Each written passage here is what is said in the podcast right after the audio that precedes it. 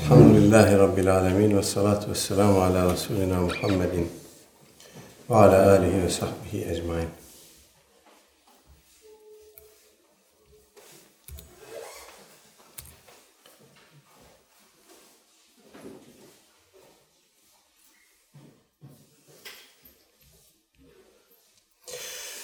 Otuz yedi numaralı rivayette kalmışız. Devam edelim oradan. عن أبي عبد الرحمن عبد الله بن مسعود رضي الله عنه قال كأني أنظر إلى رسول الله صلى الله عليه وسلم.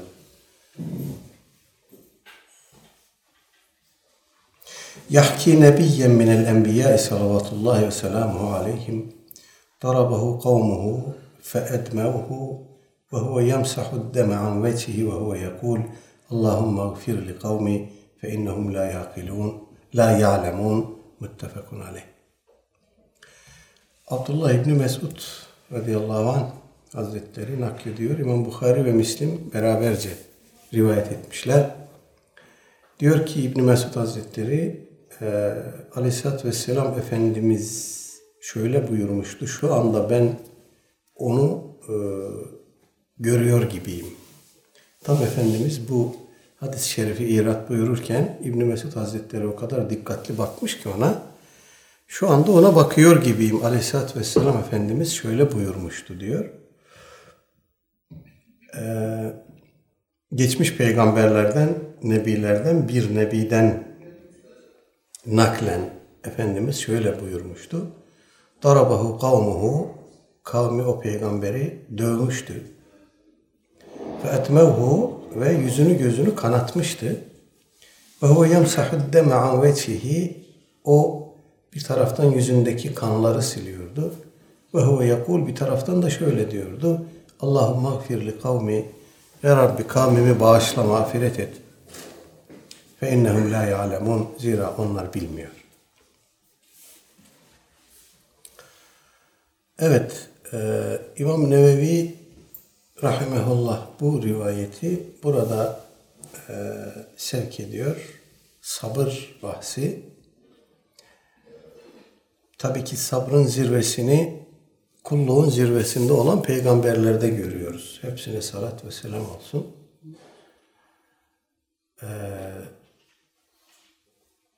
peygamberler tarihinde herhangi bir peygamber bilmiyoruz ki belki Hazreti Adem bunun istisnası olabilir. Kavmine bir tebligatta bulunsun da kavmi onu hüsnü kabulle karşılasın, karşılasın. Ya sen ne iyi ettin de bunları bize söyledin. Allah senden razı olsun. Baş göz üstüne desin. Böyle bir şey yok. Bütün tebligatı peygamberlerin tepkiyle karşılanmış, aşağılanmayla karşılanmış, tahkirle karşılanmış. Efendim bir direnç, bir tepki, bir mücadele mutlaka her peygamberin hayatında var. Bu bazen şehadetle sonuçlanıyor. Hz. Zekeriya'da, Hz. Yahya'da olduğu gibi. Ee, bazen işte böyle darp etmeyle, itip kalkmayla, tahkir etmeyle e, sonuçlanıyor. Buradaki peygamberin kim olduğunu şarihler tespit edememişler. Acaba kim bu peygamber diye aramışlar, taramışlar, tespit edememişler. Ee, Hazreti Nuh olabilir demişler. Bir e, ihtimal Hazreti Nuh olabilir demişler. E, rivayete göre Nuh Aleyhisselam'ı kavmi o kadar aşağılıyormuş ki o onlara hakikati her tebliğ etmeye gittiğinde tutup itip kalkıp sarsıp tartaklayıp boğazını sıkıyorlarmış. Nefessiz kalana kadar Hazreti Nuh'un boğazını sıkıyorlarmış. Bayıla yazana kadar. Tam artık kendinden geçecekken bırakıyorlarmış. Ee, o olabilir diyorlar. Bir ihtimal buradaki kastedilen kişi o olabilir diyorlar. Ama tabi e, biz İsrailoğullarının peygamberlere neler yaptığını biliyoruz. muhtemeldir ki bu İsrail oğullarına gönderilen nebilerden birisiydi. Bazı şarihler de demişler ki bu Tebük e, şey dönüşü e, Efendimiz Mekke'de tebligatını sürdüremeyince Taif'e gitti. Taif dönüşü e, o yüzü gözü kan içinde taşladılar onu. Cebrail aleyhisselam geldi. Ey Allah'ın Resulü dedi. İstersen hemen buranın altını üstünü getireyim. O da hayır dedi. Umulur ki bunların soyundan e, çok samimi, sağlam, muvahhid Müslümanlar gelir. Tevhid ehli gelir diye. E, bu şeyi reddetmişti Efendimiz. Bazı şarihler diyorlar ki Efendimiz Aleyhisselatü Vesselam burada kendine de işaret etmiş olabilir. Kendini de daha doğrusu kastetmiş olabilir. Allahu alem her halükarda bu yaşanmış bir şeydir, olmuş bir şeydir. Aleyhisselatü Vesselam Efendimiz bunu bir vaka olarak anlattığına göre bu yaşanmış bir hadisedir. Ee, dolayısıyla sabrın zirvesindeki peygamberlerin de gördükleri eza ve cefaya karşılık böyle bir e, mukabelede bulunmaları gayet tabidir. Acıyor, merhamet ediyor. Ya Rabbi bunları bağışla. Bunlar ne yaptıklarını bilmiyorlar. Hakikati bilmiyorlar. Efendim akıbetlerini bilmiyorlar diye gene de onlar hakkında bağışlanma diliyor. Burada akla şöyle bir soru gelebilir. Bunlar inkarcı bir kavim ve peygamberleri tahkir ediyorlar. Yani yüzünü gözünü kanatana kadar onu dövüyorlar. Buna rağmen peygamber bunları bağışla diye dua ediyor. Bunlar kafir. Bunların bağışlanması talep edilir mi? Bunlar hakkında mağfiret talep edilir mi? Buradaki bağışlamadan kasıt, bağış talebinden kasıt bunları helak etme demektir. Bunların günahlarını bağışla demek değildir. Bunların bana yaptığı muameleye karşılık bunlar neyi hak ediyorsa onu yapma yani. Onlara azap etmekten vazgeç ya Rabbi bunları azap etme demektir. Tabi bu hadisin ravisi Abdullah İbni Mesud Hazretleri de e, böyle bir muameleye maruz kalmış bir sahabi.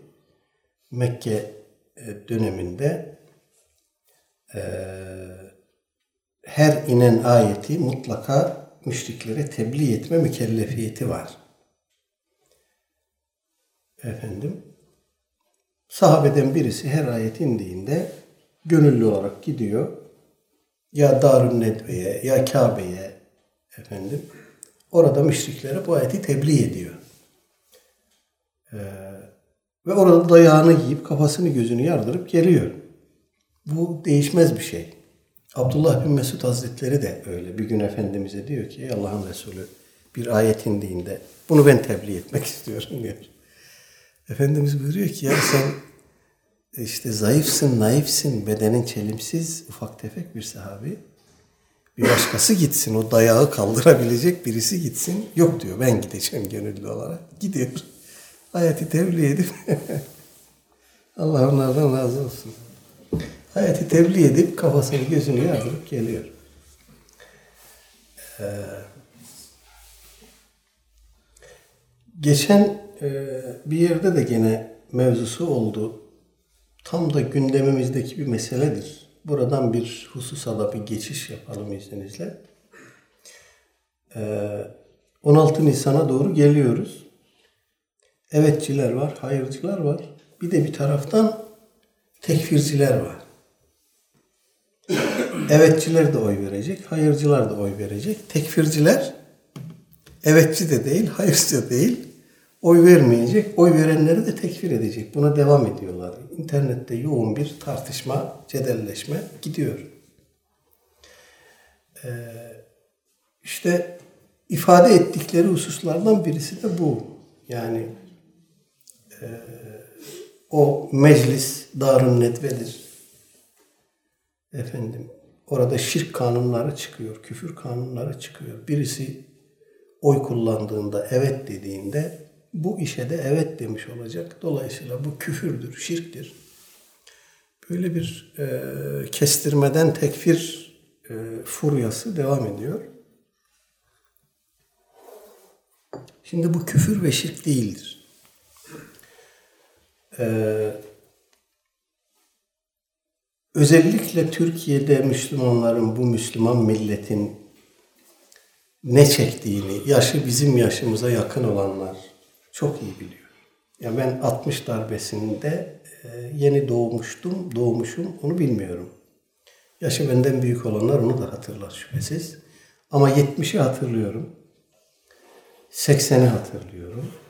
Efendim 28 e, Şubat'ı hatırlıyorum ve 15 Temmuz. Şimdi bütün bu süreçlere baktığımızda bu millet bir yerden bir yere geldi. Yani sokakta artık neredeyse tesettürlü bir hanım gezemez hale gelmişti. Sokakları kamusal alan ilan ediyorlardı.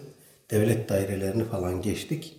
Sokaklar kamusal alan ilan ediliyordu ve Müslüman hanımlar, mütesettir hanımlar tesettürleriyle sokakta gezemez hale gelmişti. Oradan buraya geldik. Elhamdülillah. O günleri yaşamayan gençler şimdi 15 yaşında, 20 yaşında e, kendilerine öğretilen tekfir ezberleriyle efendim kestirmeden bu işi hallediyorlar. Fakat yanlış bir şey yapıyorlar. Dilimizde bir söz var. İnsan gençken bileydim dermiş. Yaşlanınca da yapabileydim dermiş. Ben deniz üniversite çağlarımda tam bu gençlerin, bu tekfirci gençlerin e, bu deli çağlarında iken bir risale yazmıştım. Bu risalede parti ve siyasi mücadele yoluyla İslam'a hizmet edilemeyeceğini savunmuştum. Üniversite talebesiyim. Bu risaleyi fotokopi yoluyla bastırıp Ankara'da çoğaltıp dağıtmıştık. Diyordum ki Aleyhisselatü Vesselam Efendimizin tebliğ metodu e, tebliğ aleni teşkilat gizli şeklindeydi. Teşkilatı gizliydi. Darül Erkam'da toplanıyorlardı. Kimin ne yaptığını müşrikler bilmiyordu. Nerede nasıl hareket edecekler bilmiyorlardı müşrikler. Ama tebligatları açıktı. Aleni olarak gidiyorlardı tebliğ edilmesi gereken şeyleri Darun Nedve'de tebliğ ediyorlardı. Şimdi parti yoluyla İslam'a hizmet etmek iddiasında olanların tebligatı gizli, teşkilatı açık. Bu nübüvvet metoduna ters. İlk bakışta haklıydım. Ama atladığım bir şey varmış. Bunu yıllar sonra tabii e, fark ettim ben. Aleyhisselatü Vesselam Efendimiz öyle yapmak zorundaymış ve bize ben nasıl yaptıysam bu İslami tebliğ işini ben nasıl yaptıysam siz de öyle yapın diye bir talimat da vermemiş. Bu bir metottur. Şartlara göre, ahvale göre, ortama göre, dengelere göre değişir. Yani hilafetin bile nasıl teşekkül edeceğini, halifenin bile nasıl seçileceğini Efendimiz tayin etmemiş. Şartları ahvale ümmetin iradesine bırakmış. Bu da böyle. Yani Efendimizin e, metoduna uymak için, o metodu takip etmek için önce günümüz Türkiye'sini Mekke şartlarına götüreceğiz. Müminler müşrikler olacak. Müminler 20-30 kişi olacak. Müşrikler çoğunluk olacak. Efendim müşrikler müminlerin ilahını, nübüvvetini, peygamberini, ahiretini reddedecek. Aralarında çatışma olacak. Bizi Ebu Talip mahallesine efendim sıkıştıracak. Bunu mu yapmak yapmamız lazım yani? Hayır bunu yapmamız lazım değil. O şartları, o metodu uygulamak için o şartları tahakkuk ettirmek e, olsa olsa delilerin işidir. Böyle bir şey olmaz yani. Bu tarihin dışına düşmektir. Bu hayatın, realitenin dışına düşmektir. Böyle bir şey Allah Teala da istemiyor, Efendimiz de istemiyor. Bu bir vehim yani. Dolayısıyla hangi ülkede, hangi tarihte, hangi coğrafyada şartlar nasıl el veriyorsa İslami mücadele, hizmet öyle yapılır. Yeter ki ana koordinatlardan taviz verilmesin. Yani İslam'ın olmazsa olmazları var. Tevhid var, nübüvvet var, meat var. Bunlardan taviz veremez bir Müslüman. Söz gelimi haşa Allah ikidir diyemez. Peygamberin peygamberliği tartışılabilir diyemez. Ahiret olmayabilir diyemez. Kur'an ve sünnet hayatta uygulanmayabilir, devri geçmiştir, dönemi kapanmıştır diyemez. Bunlar bizim kırmızı çizgilerimiz. Bu kırmızı çizgileri aşındırmamak kaydıyla bunların hayata intikali konusunda, tebliğ ve irşat konusunda e, meşru, şer'i sınırlar içerisinde ne yapılabiliyorsa, nasıl yapılabiliyorsa o yapılır. Efendim, işin özü bu.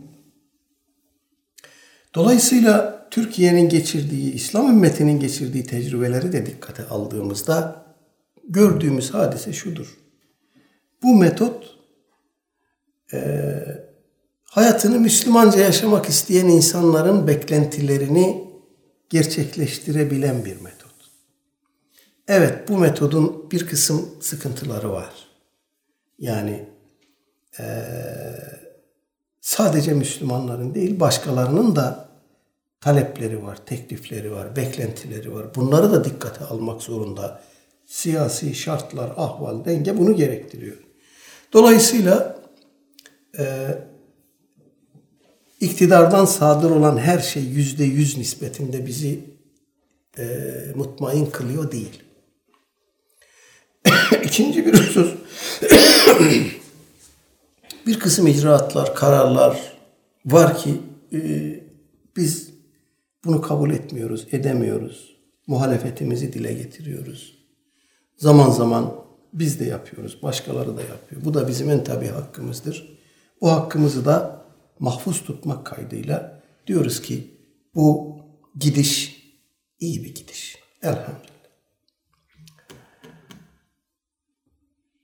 Ee, sırf bizim aklımızdaki, kafamızdaki bir kısım vehimler, bir kısım tespitlerle örtüşmüyor diye bunu alt üst etmek kabul edilebilir bir şey değil. Bir memlekette yaşayan insanların ekseriyeti Müslüman olduğu zaman o memlekette yapılan seçimlerin sandık neticesi ortaya çıkan manzaranın bu çoğunluğu teşkil eden insanların iradesi doğrultusunda olması tabidir. Dolayısıyla burada e, benim iradem bu ülkedeki Müslüman çoğunluğun iradesi sandığa ve neticeye yansıdığına göre e, demokrasi şirktir, oy kullanmak şirktir, küfürdür gibi bir kısım ezberleri, son derece tartışmalı bir kısım ezberleri burada tekrar etmenin hiçbir mantığı yok. Bu başka yerlerde olabilir. Yani gayrimüslimlerin çoğunlukta olduğu yerlerde efendim seçimle e, iş başına gelen iktidarlar e, Müslümanların aleyhine kararlar alabilirler. İşte bugün Avrupa'da gördüğümüz hadise budur. Çoğunluk orada gayrimüslim, Müslümanlar azınlık durumunda ve orada iş başına gelen iktidarlar iman küfür çatışmasının tabii bir tezahürü olarak giderek Müslümanlara karşı sertleşiyorlar, radikalleşiyorlar. Bu tabidir. Ama orayla burayı da birbirine kıyas etmek doğru değil. Onun için şu ezberi bir kaldırıp atmamız lazım dünyamızdan. Oy kullanmak şirktir. Hayır kardeşim, oy kullanmak şirk değil. Nerede, nasıl, hangi neticeyi verecek biçimde oy kullandığınıza bağlı bir şey bu. Hep söylediğimiz gibi bu bir şablondur. Demokrasi bir şablondur. İçini nasıl doldurduğunuza bağlı olarak netice verir. Mesele bundan ibaret. Dolayısıyla gidip orada Darün Nedve'de kafamızı gözümüzü yardırmak zorunda değiliz. Ben hatırlıyorum 1980'lerde miydi 90'larda mı Fikri Bey hatırlarsınız belki. Meclise birisi gitmişti bir e, kravatı, Yok. Mecliste e, ben size Allah'ın ayetlerini tebliğ etmeye geldim. Hepiniz müşriksiniz burası bilmem nedir filan diye bağıran bir meclis vardı. Değil değil. Bu söylediğim şeyi yaptı o vatandaş. Gitti oraya. Burası Darun Nedve'dir. Siz burada işte şirk yuvasıdır. Ben size Allah'ın ayetlerini tebliğ etmeye geldim. Olabilir ama mecliste de oldu gibi hatırlıyorum.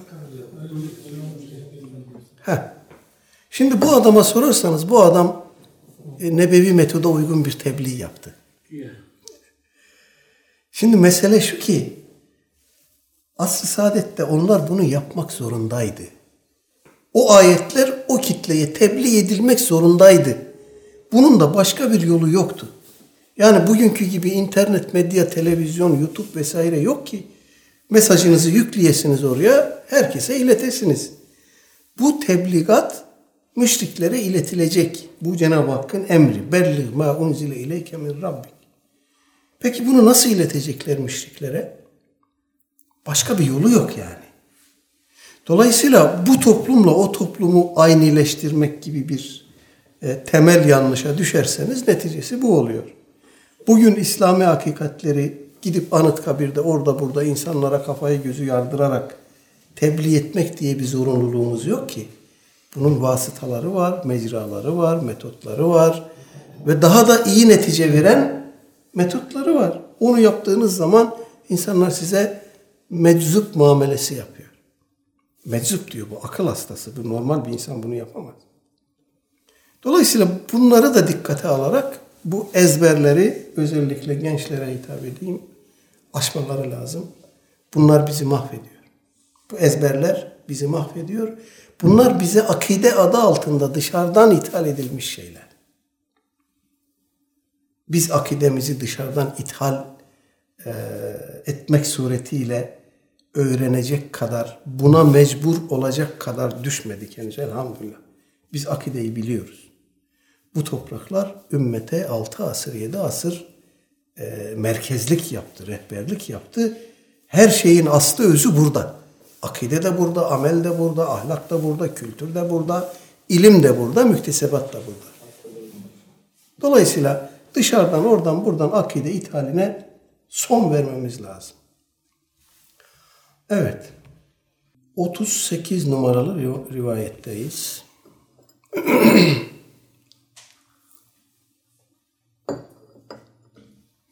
An Ebi Sa'idin ve Ebi Hureyre radıyallahu anhuma anin Nebi sallallahu aleyhi ve selleme kal Ma yusibul muslime min nasabin ve la vasabin ve la hemmin ve la hazenin ve la eden ve la gammin hatta eşşevketu yuşakuha illa keferallahu biha min hatayahu muttefekun aleyh.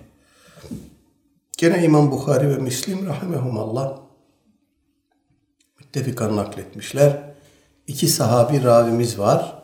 Ebu Said el-Hudri ve Ebu Hureyre radıyallahu anhuma Aleyhisselatü Vesselam Efendimizin şöyle buyurduğunu nakletmişler. Müslüman bir kula isabet eden e, sürekli hastalık, e, tasa, gam, hüzün, eziyet veren her şey, keder, sıkıntı, hatta e, vücuduna batan bir diken e, yoktur ki Allah Teala o sebeple onun günahlarından bir miktar e, affetmiş olmasın veya o durumu onun bir miktar günahına kefaret kılmış olmasın. Müminin başına gelen her şey, ayağına parmağına batan bir kıymık bile onun günahlarının kefareti oluyor Cenab-ı Hak nezdinde.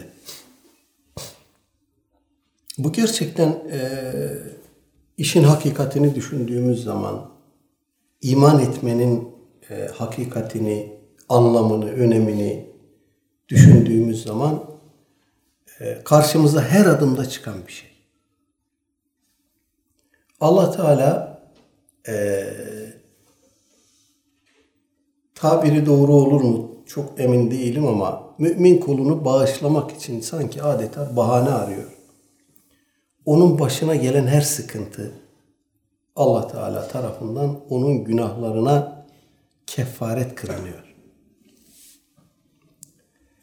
Kur'an-ı Kerim'de bu hususla ilgili gerçekten çok fazla sayıda ayet-i kerime var. Bunlardan birkaçını zikredeyim.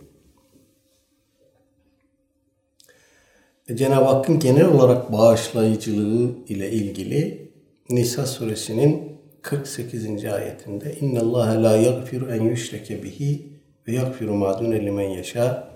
Allah Teala sadece kendisine şirk koşulmasını affetmez. Bunun dışındaki günahları dilediği kişi için bağışlar. Ee, bu 116'da da Nisa 116'da da geçiyor aynı ifadeli ayet. Ankebut suresinin 7. ayeti وَالَّذ۪ينَ آمَنُوا وَعَمِلُوا الصَّالِحَاتِ لَنُكَفِّرَنَّ عَنْهُمْ سَيِّئَاتِهِمْ وَلَنَجْزِيَنَّهُمْ أَحْسَنَ الَّذ۪ي كَانُوا يَعْمَلُونَ O kimseler ki iman ettiler ve salih ameller işlediler. Biz mutlaka onların seyyi, seyyiyelerini, seyyiatını yani küçük günahlarını örteceğiz ve onları amel ettiklerinden çok daha iyisiyle mükafatlandıracağız. Buna benzer ayet-i kerimeler Kur'an-ı Kerim'de çok.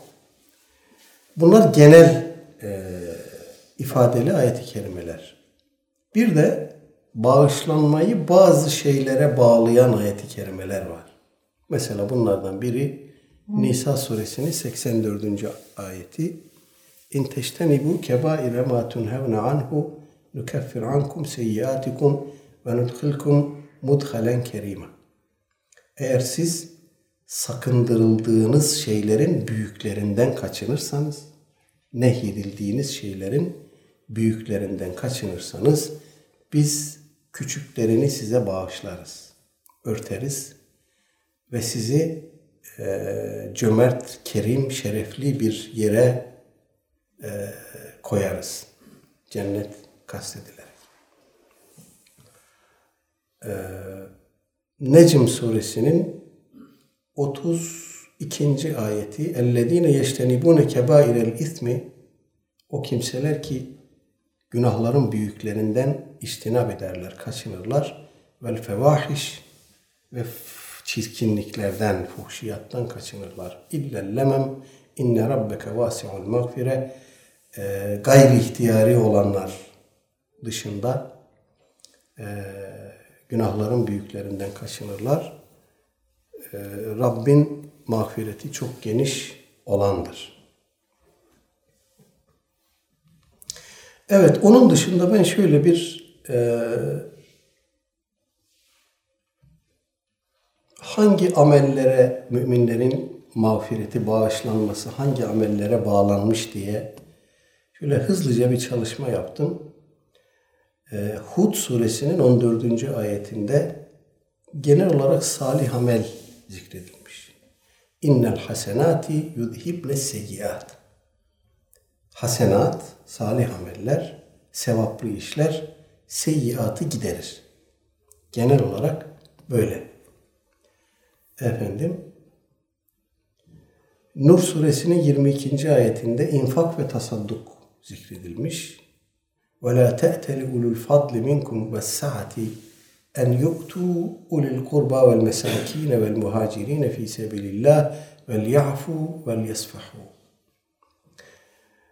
Ee, bu çok enteresan. Cenab-ı Hak burada gücü yeten mali durumu yerinde olan müminlerin e, yakınlara, miskinlere, düşkünlere ve bir de muhacirlere, hicret etmiş olanlara e,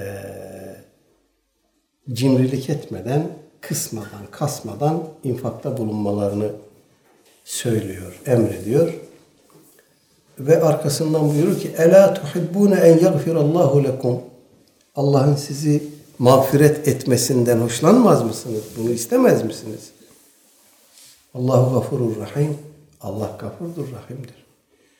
Ee, Tabi özellikle Türkiye gibi işte çok yoğun bir göç almış efendim 3 milyon civarında muhacire bakan bir ülke, onlara analık babalık eden, ağabeylik eden bir ülke.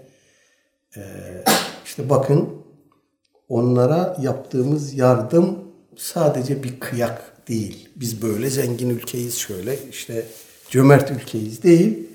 O her e, verdiğimiz her şey, yaptığımız her infak, her tasadduk aynı zamanda bize mağfiret olarak geri dönüyor. Bu tabi sadece onlara e, mahsus değil. Akraba, Cenab-ı Hak başta bunları zikrediyor zaten. Yakın akraba. Aile fertleri olur. Efendim sülale olur. Mahalle olur. Efendim yakından başlayarak e, infak ve tasadduk hakkında Cenab-ı Hak böyle bir teşvik zikretmiş. Hasenatla salih amel birebir aynı şeyler midir hocam? Biraz fark var herhalde. Hasenat sevaplar demek aslında. Ama her, her hasanet salih amel değil herhalde. Öyle mi? Sevap getiren her şey dedik bunun için. Hasenat güzellikler demek. Sözlük anlamı güzellikler. Ne demek güzellikler? Güzel işler. Ee, güzel iş yaptığınızda Cenab-ı Hak ona sevap veriyor. Sevapsız güzel iş yok zaten. Yaptığınız her işte mutlaka bir sevap var. Onun için ben eee, şey dedim. eee, ameli salih dedim. Salih amellerin hepsi sevaplı işler. Efendim zekat Bakara suresinde eee, ve Tegabun suresinde Cenab-ı Hak zekatı eee, zikretmiş. Zekatın da günahları giderici özellikte olduğunu eee, belirtmiş. İn tukridullaha kardan hasenen yudaifu lekum ve yagfir lekum vallahu şekurun halim. Eğer Allah'a güzel bir borç verirseniz Allah onu sizin için kat kat artıracak, katlayacak ve sizi bağışlayacak. Allah şekurdur, halimdir. Ee, Bir de gene böyle e, hızlıca hangi ameller bağışlanmaya vesiledir başlıklar halinde söyleyeyim. Bir kere başta iman. Bununla ilgili çok ayette, hadiste çok deliller var. Ee, efendim Aleyhisselatü Vesselam Efendimiz'e itaat ve ittiba, tevbe, nasuh tevbe. Efendim, müsamaha, Ee,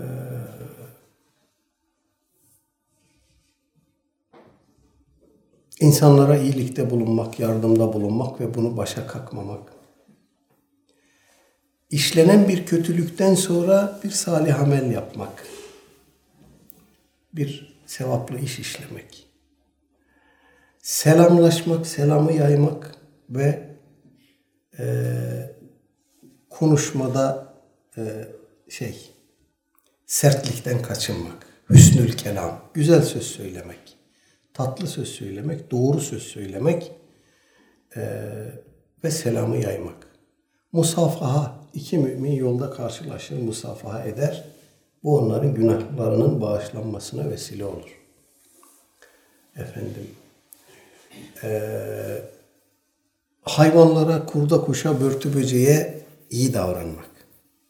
Bunlar da bağışlanmaya sebeptir. Efendim, baştan zikretmiştik, büyük günahlardan kaçınmak. abdest ve gusül. Efendim, ezan müezzinler için özellikle bağışlanma vesilesi. Ezan okuyan herkesi kapsar. Müezzinlik bir meslek değil aslında. İşin aslı itibariyle biliyorsunuz. Ezan okuyan herkes müezzindir. Aslı saadette öyleydi. Namaz, efendim, eee namazın içindeki ve dışındaki secdeler. Secde etmek. Bizatihi secdenin kendisi. Efendim, namaz kılmak için mescitlere doğru yürümek, adım atmak. Efendim, cemaatle namazda İmam gayril mağdubi aleyhim deyince amin demek. Sesli mi sessiz mi? Ses- Hanefilerde sessiz, diğer mezheplerde, Şafilerde sesli, Sesli deyince ne? Kerahat var mı Hanefilerde? Ee, şöyle Hanefiler bu sesli amini Aleyhisselatü Vesselam Efendimizin ve sahabe-i kiramın öğretme maksatlı yaptığını söylüyorlar. Efendim, sessiz yaptıklarına dair de delilleri var. Hanefi kaynaklarda deliller var. Ha namazı bozar mı bozmaz. Mekruh mudur? Tahrimen mekruh mudur? Değildir. Sesli söylemekte bir sakınca var mıdır? Yoktur. Bu bir deliller arası tercih meselesidir. Ee, dolayısıyla bunu bir ihtilaf haline getirmemek lazım. Efendim cuma namazı, gece namazı, teheccüd, teravih gece e, Ramazan gecelerinde kılınan teravih namazı, tesbih namazı, efendim Mescid-i Aksa'da ve Mescid-i Nebi ve Mescid-i Haram'da namaz. Bu üç mescitte. Cihat fi sebilillah. Efendim Ramazan orucu, aşure orucu, e, hac ve umre, zekat ve sadaka söyledik. Hadler yani hudut dediğimiz e, cezalar. Bunlar ukubattır, cezadır ama günahların bağışlanmasına da vesiledir. Efendim, zikrullah. Bir mecliste oturan müminlerin o mecliste Allah Teala'yı zikretmesi ve Aleyhisselatü Vesselam Efendimiz'e salatü selam getirmesi. Efendimiz buyurmuş ki eee hiçbir kavim yoktur ki bir mecliste otursunlar. Orada Allah Teala'yı zikretmeden, bana salatü selam getirmeden dağılsınlar da ahirette bunun hasretini çekmesinler. Pişmanlığını duymasınlar. Bunu açıklarken şarihler diyorlar ki e, cennette bile kul, mümin kul cennette bile buna pişmanlık duyacak. Çünkü zikrullah olsaydı o mecliste, salatü selam olsaydı o derece daha yüksek olacaktı. Cennetteki derece daha yüksek olacaktı. Onun için oturduğumuz her mecliste mutlaka Cenab-ı Hakk'ı zikretmek, adını zikretmek ve Aleyhisselatü Vesselam Efendimiz'e salatü selam getirmek. En az bir kere, en az. Bunun ölçüsünü de ulema e, tartışmış. Efendimiz Aleyhisselatü Vesselam'ın adı her geçtiğinde mutlaka Aleyhisselatü Vesselam sallallahu aleyhi ve sellem demek lazım mıdır? Bir kısmı demiş ki evet lazımdır. Onun adı her geçtiğinde mutlaka ona salat ve selam getirmek lazımdır demişler. Bir kısmı çoğunluğunda hani bir mecliste belki 50 kere 100 kere adı geçer. Her defer her seferinde olmasa bile çoğunluk olarak salat selam getirmek yeterlidir demişler. Bir kısmı da bir kere getirilse yeterli olur. İlk anılışında Efendimizin bir kere salatü selam getirilse yeterli olur demişler. Ama bunlar tabi ne kadar yapılsa fazileti sevabı o kadar çok olan şeyler.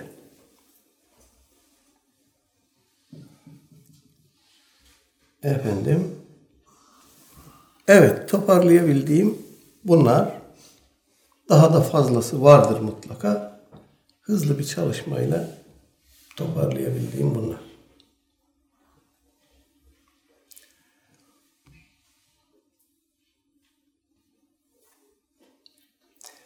Otuz dokuz numaralı rivayet An İbni Mes'udin radıyallahu anhu kal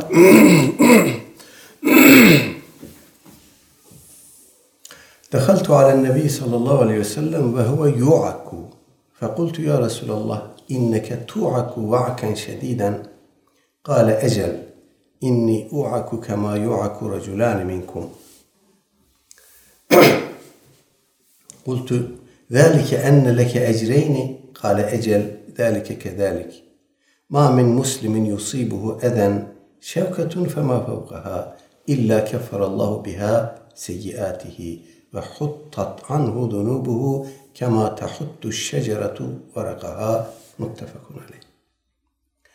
İmam Bukhari ve Müslim rahimahumallah Abdullah İbni Mesud radıyallahu anh'tan nakletmişler. Diyor ki aleyhissalatü vesselam Efendimiz e, sıtma nöbetine tutulmuştu. Özellikle Medine'ye ilk hicrette Mekke'nin havasına alışmışlar. Medine havası bir anda çarptı onları. Alışık değiller. Orada hastalandılar. Muhtemeldir ki o hastalık dönemine denk gelen bir hadise bu. Diyor ki Aleyhisselatü Vesselam Efendimizin yanına gittim. Ee, sıtmaya yakalanmıştı.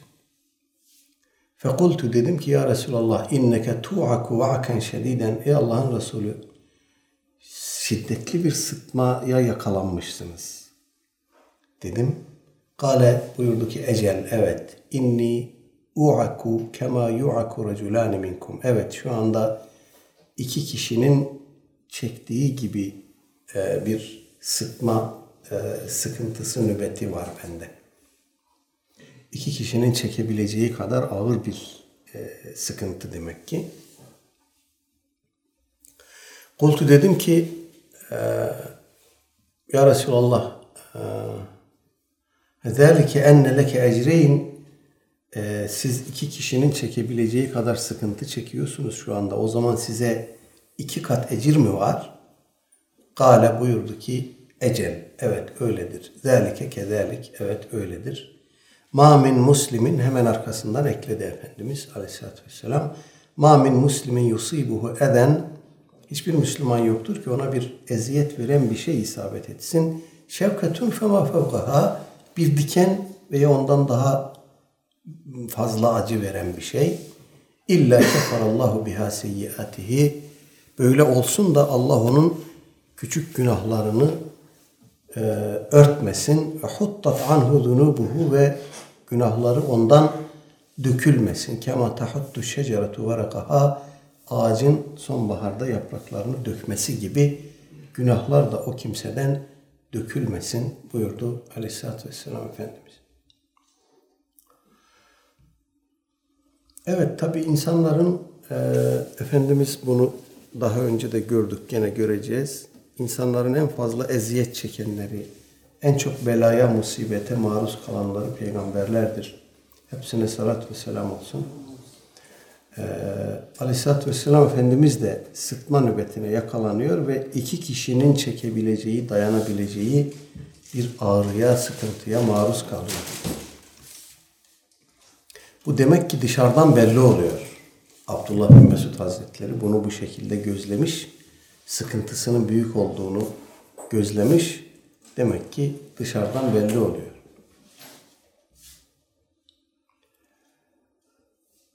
Ee, bir şey daha var burada. Aleyhisselatü Vesselam Efendimiz her e, olayı ümmetine bir şey, bir hakikati tebliğ etmek için vesile ediniyor.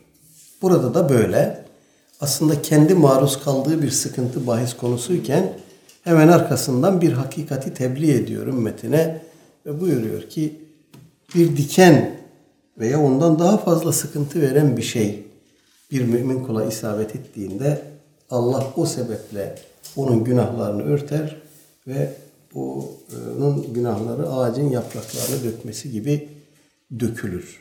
Efendimizin e, ümmetine karşı şefkati, merhameti, hassasiyeti burada çok net biçimde ortaya çıkıyor. Son bir rivayet daha okuyalım. 40 numaralı hadis. An Ebi Hureyre radıyallahu anhu kal Kale Resulullah sallallahu aleyhi ve sellem Men yuridillahu bihi hayran yusib minhu. Ravahul Bukhari. İmam Bukhari rahmetullah Ebu Hureyre radıyallahu anh hazretlerinden nakletmiş.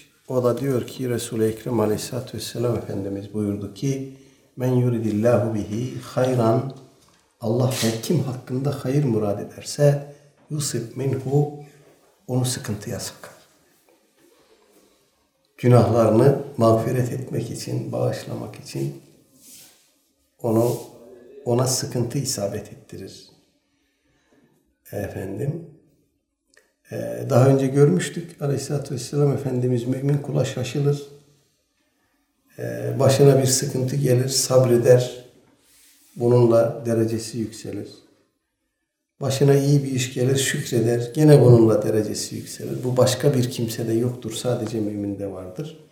İşte demek ki Cenab-ı Hak bizim derecelerimizi yükseltmek için aslında bizi bazen şükürle, bazen sabırla efendim e, imtihan ediyor. Şükredilecek ve sabredilecek işlerle imtihan ediyor.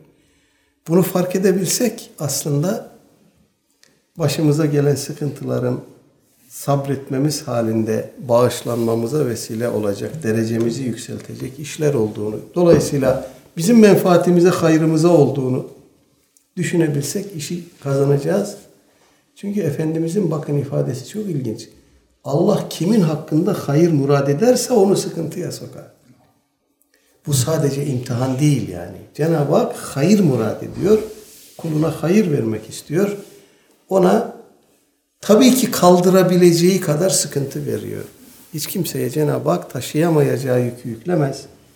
Vüsatinden, gücünden fazlasını yüklemez. Ee, işi fark etmek lazım gerçekten.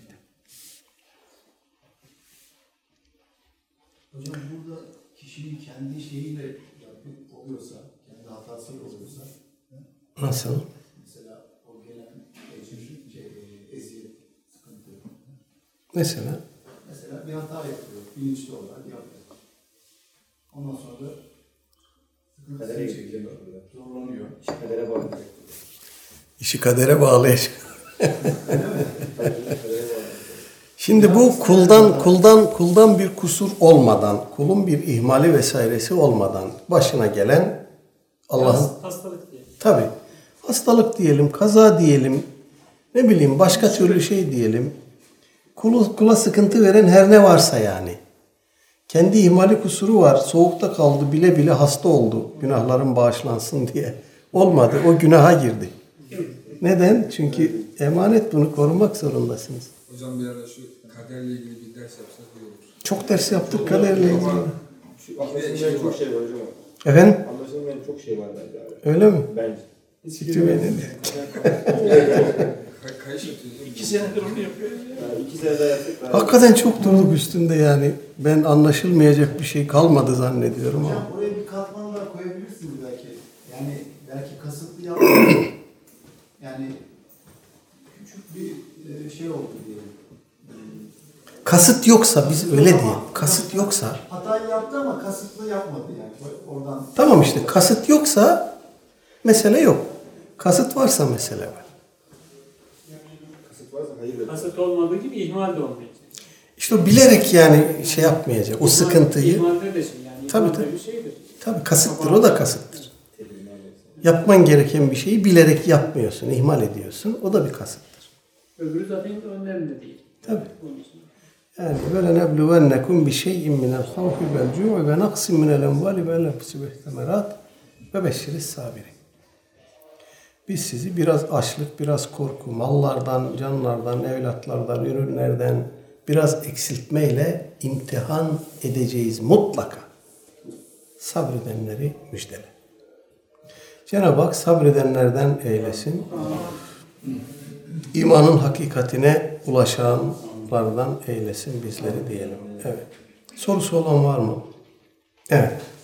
Hocam ben gün önce dersin başında şey anlatmıştım. Mesela bir e, kafirin mesela e, şey, dua edin, istiğfar edilmesi, bunun mesela helak olması. Mesela kafirin sonunda mesela hani cehennemde azap görmeyecek mi? Hani, Evet. yani ona mesela ben o konuyu pek anlamadım da hani yani istiğfar edilirse mesela gene sonuçta mesela cehenneme gidecek. Bu bir çelişki olmuyor. mu? İşte oradaki istiğfardan kasıt bunları helak etme demektir. Bunları bağışla demek. Bağışladan kasıt bunları helak etme demektir. Çünkü onların yaptığı o işin karşılığı helaktır. Cenab-ı Hak onları helak etmemekle aslında bağışlamış oluyor. Hani bir eee, yetki sahibi birisinin karşısına gidersiniz, birisi bir suç işlemiştir. Ya bunu bana bağışla dersiniz. Onun gibi bir şey yani. Yoksa günahlarını affet anlamında değil. O yaptıkları iş günah ama bunun karşılığını onlara verme anlamında yani. Efendim? Soruyu. Öyle. Tamam mı mesela? Evet. Peki. Ve sallallahu ala seyyidina Muhammedin ve ala alihi ve sahbihi ecmain. Evet. Velhamdülillahi Rabbil alemin.